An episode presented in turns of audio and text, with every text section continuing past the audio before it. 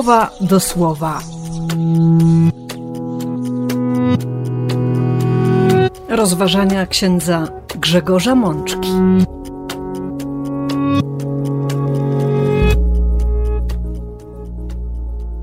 Dwudziesta czwarta niedziela zwykła, rok A.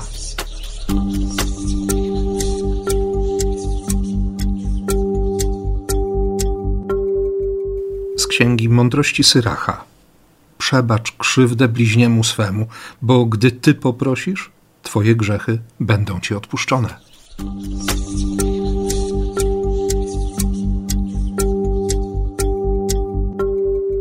Z Psalmu 103. On bowiem jest litościwy dla wszystkich Twoich występków. On leczy wszystkie Twoje choroby. On Twoje życie ratuje przed zniszczeniem. On Cię otula swą troską i miłosierdziem.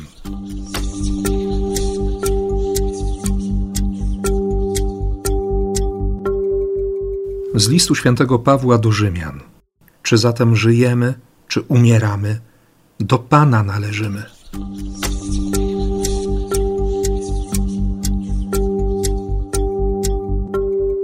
Z Ewangelii według świętego Mateusza. Cały ów dług zdjąłem z ciebie, bo mnie prosiłeś.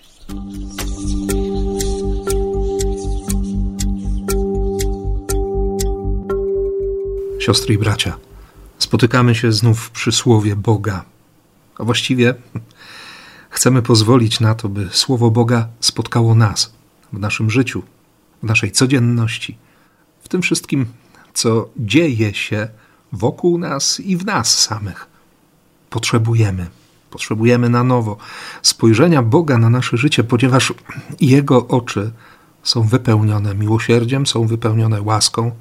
Z Jego spojrzenia wyziera sama miłość. Zresztą o tym przekonuje nas cała dzisiejsza liturgia słowa.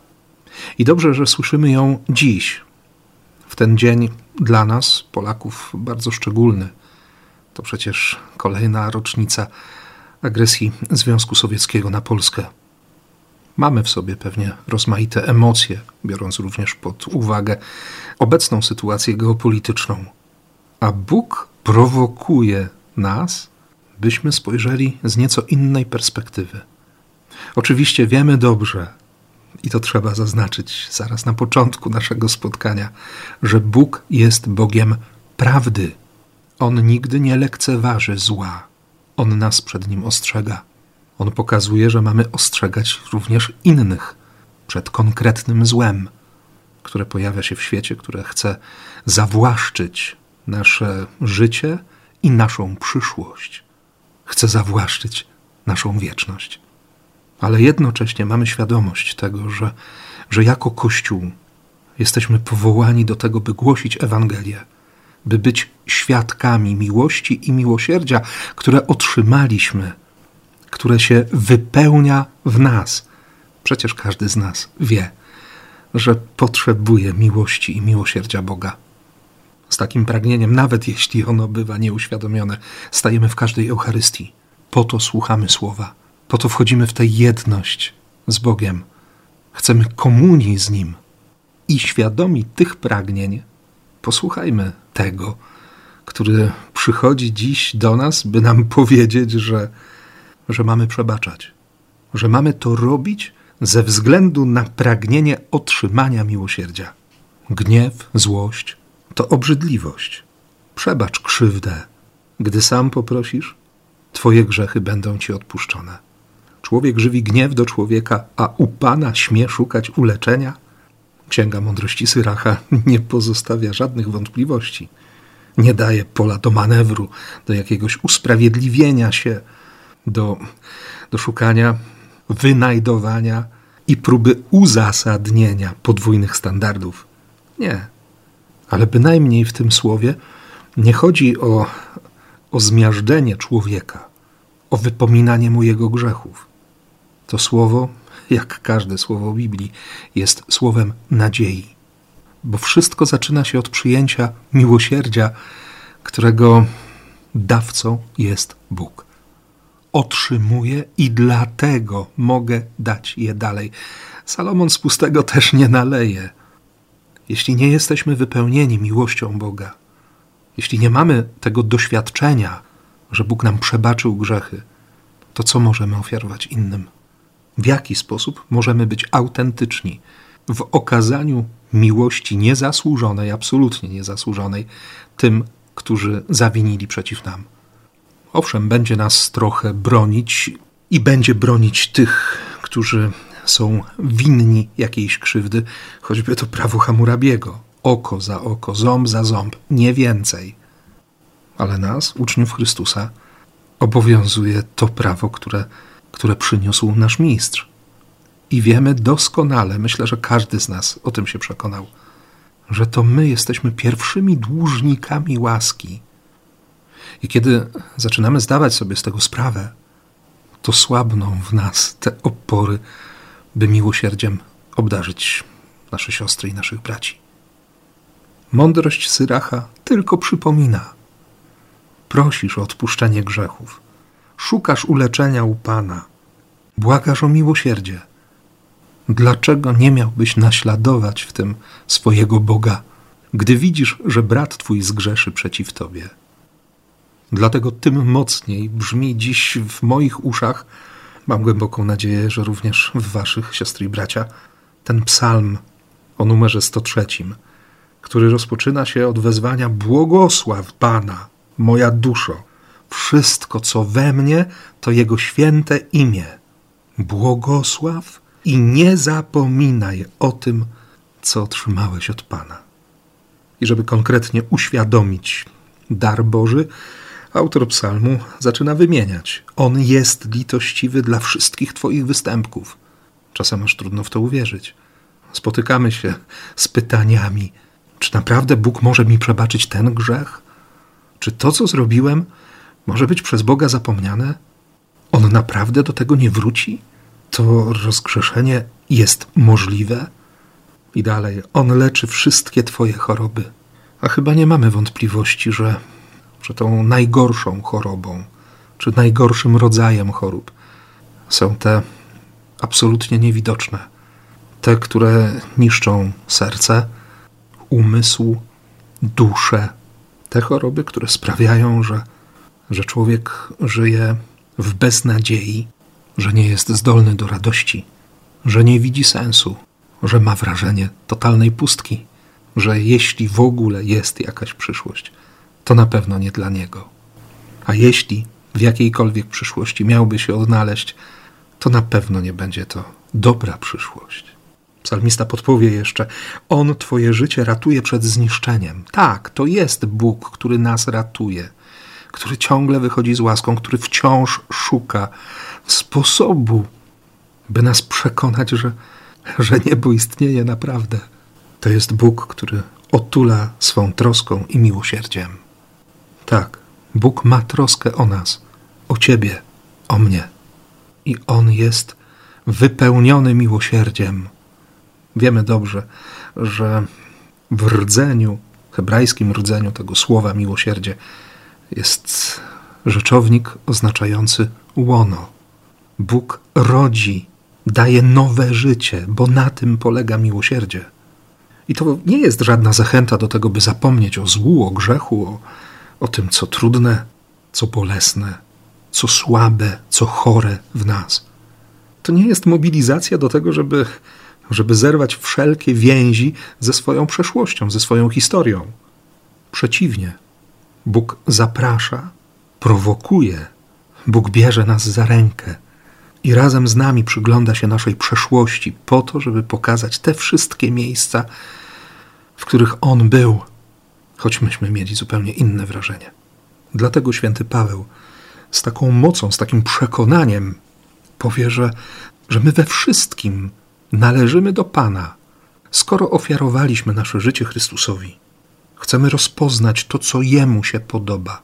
Odkrywamy, że nie żyjemy ani dla siebie, ani sami z siebie. I nawet doświadczenie śmierci, choć niewątpliwie trudne, niezrozumiałe, poprzedzone jakimś lękiem, nie musi nas pozbawiać nadziei, nie pozbawia nas obecności Boga. Jeśli Pan zdecyduje, abyśmy żyli, to będziemy żyć dla Niego. Jeśli zdecyduje, żebyśmy oddali życie, to oddamy je dla Niego. Chcemy robić to, czego Pan od nas oczekuje. Chcemy poznać Jego wolę. Chcemy do Niego należeć. I Paweł doda: Zobaczcie, Chrystus właśnie tak postępował. Przyjął śmierć, powrócił do życia, był zjednoczony z Ojcem. Nieustannie pytał, czego chce Ojciec, co jest wolą Boga. Czy potrafimy zadawać takie pytanie? Czy zadajemy je szczerze, świadomi, że to słowo, a właściwie odpowiedź Boga, może mieć i będzie mieć bardzo konkretne konsekwencje w naszym życiu? Warto dziś o tym pomyśleć. I pójdźmy dalej. Ewangelia. Piotr przychodzi do Jezusa i zadaje pytanie: Co mam zrobić? Co mam począć w sytuacji, kiedy mój brat albo moja siostra w wierze ciągle grzeszy przeciwko mnie? Ile razy powinienem przebaczyć? Jak często okazywać miłosierdzie, żeby być w porządku? Czy w ogóle istnieje jakaś granica? Wiemy dobrze, że to siedem razy jest określeniem graniczącym z nieskończonością. A Jezus na to nie powiedziałem, że przebaczenie ma mieć jakieś granice. Nie musisz ocierać się o nieskończoność. Twoja gotowość wybaczenia ma być nieskończona, nieograniczona. Tak zwyczajnie po ludzku powiemy sobie, że to niemożliwe, że my tak nie potrafimy, i Bóg o tym wie że my często tak nie potrafimy. Nie dlatego, że On nam nie dał takiej zdolności, tylko dlatego, że my ją ograniczamy. Tak jak ograniczamy skuteczność Słowa Boga, Jego Ewangelii, jak obezwładniamy łaskę Bożą, która chce, chce niemożliwego w naszym życiu, bo w miłości i w miłosierdziu możemy być podobni do samego Boga.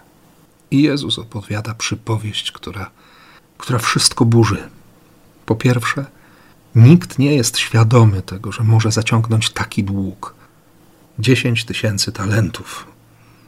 Gigantyczna suma pieniędzy. Przyjmijmy, że jeden talent to 40 kg kruszcu. Na przestrzeni lat waga talentu zmieniała się. Była również zależna od, y, od kraju. Mówiono, że że talent to między 25 a 54 kg. Taka mogła być różnica w rozmaitych krajach i w rozmaitych czasach. Uśrednijmy. Niech to będzie 40 kg kruszcu, 40 kg złota. I teraz weźmy współczesne ceny rynkowe kruszcu. W 2023 roku cena kilograma złota oscyluje między 258 100 zł a 267 709 zł. Uśrednimy do 260 tysięcy. Jeden talent to 40 kg, więc za jeden talent złota dziś trzeba by zapłacić 10 milionów 400 tysięcy złotych. 10 tysięcy talentów to 104 miliardy złotych polskich. Można mieć taki dług? I nie mówimy w kontekście społeczeństwa, państwa, ale jednej osoby jednego człowieka. Poza tym, kto byłby na tyle odważny, szalony, nieodpowiedzialny, żeby komuś pożyczyć takie pieniądze?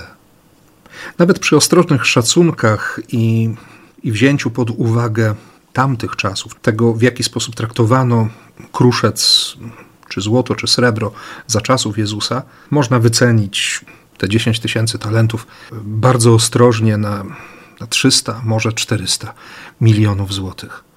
Czy ktoś z nas wyobraża sobie takie zadłużenie, swoje zadłużenie? Jezus opowiada tę przypowieść po to, żeby nam uświadomić, że, że my sobie nie wyobrażamy, ile jesteśmy dłużni Bogu, ile waży miłosierdzie, miłość. Oczywiście to, to sprawa bezcenna, ale co my marnotrawimy? Co przepuszczamy przez palce? W naszej relacji z Bogiem. Jego życie, Jego łaskę, Jego miłosierdzie, Jego miłość, Jego dary. Czy da się to wycenić? Czy mamy świadomość tego, co, co my mamy w rękach? Jaką wartość ma Eucharystia? Apostołowie i, i ci, którzy słuchali wtedy Jezusa, na pewno byli zdziwieni. I trudno im było sobie wyobrazić kogoś, kto kto mógłby mieć takie zadłużenie. A usłyszymy bardzo wyraźnie, że ów król darował cały dług, dlatego, że ten sługa, ten dłużnik go o to poprosił. Nie obiecał, nie obiecał realnej spłaty. Owszem, powiedział: Wszystko ci oddam. Obaj wiedzieli, że to niemożliwe. A Jezus opowiada tę przypowieść dlatego, że, że chce dotrzeć do wnętrza serca, naszego serca. Chce nas zapytać, jakie mamy serce. Czy potrafimy przebaczyć tym, którzy zawinili wobec nas? Czy jeśli ktoś stanie przede mną i powie: Miej litość, miej miłosierdzie dla mnie, to serce z automatu się zamknie, zacisną się moje pięści lub zęby i, i nie będę mieć miejsca w sobie, by przyjąć tego drugiego, tego dłużnika, mojej miłości, mojego czasu, mojej cierpliwości, może mojego dobrego imienia? Czy potrafię przebaczyć? Bo przecież każdy z nas chce przyjmować przebaczenie od Boga i otrzymujemy je w pewnym sensie, jeśli dobrze obserwować księdza siedzącego w konfesjonale, lekką ręką. Kilkadziesiąt słów, formuła rozgrzeszenia, znak krzyża i, i po sprawie? Każda spowiedź jest zobowiązaniem, jest zaproszeniem, by czynić to samo, by naśladować Boga. Więc zachęcam Was, siostry i bracia, byśmy w miłości i miłosierdziu byli podobni do naszego Pana. Amen. Niech tak się stanie.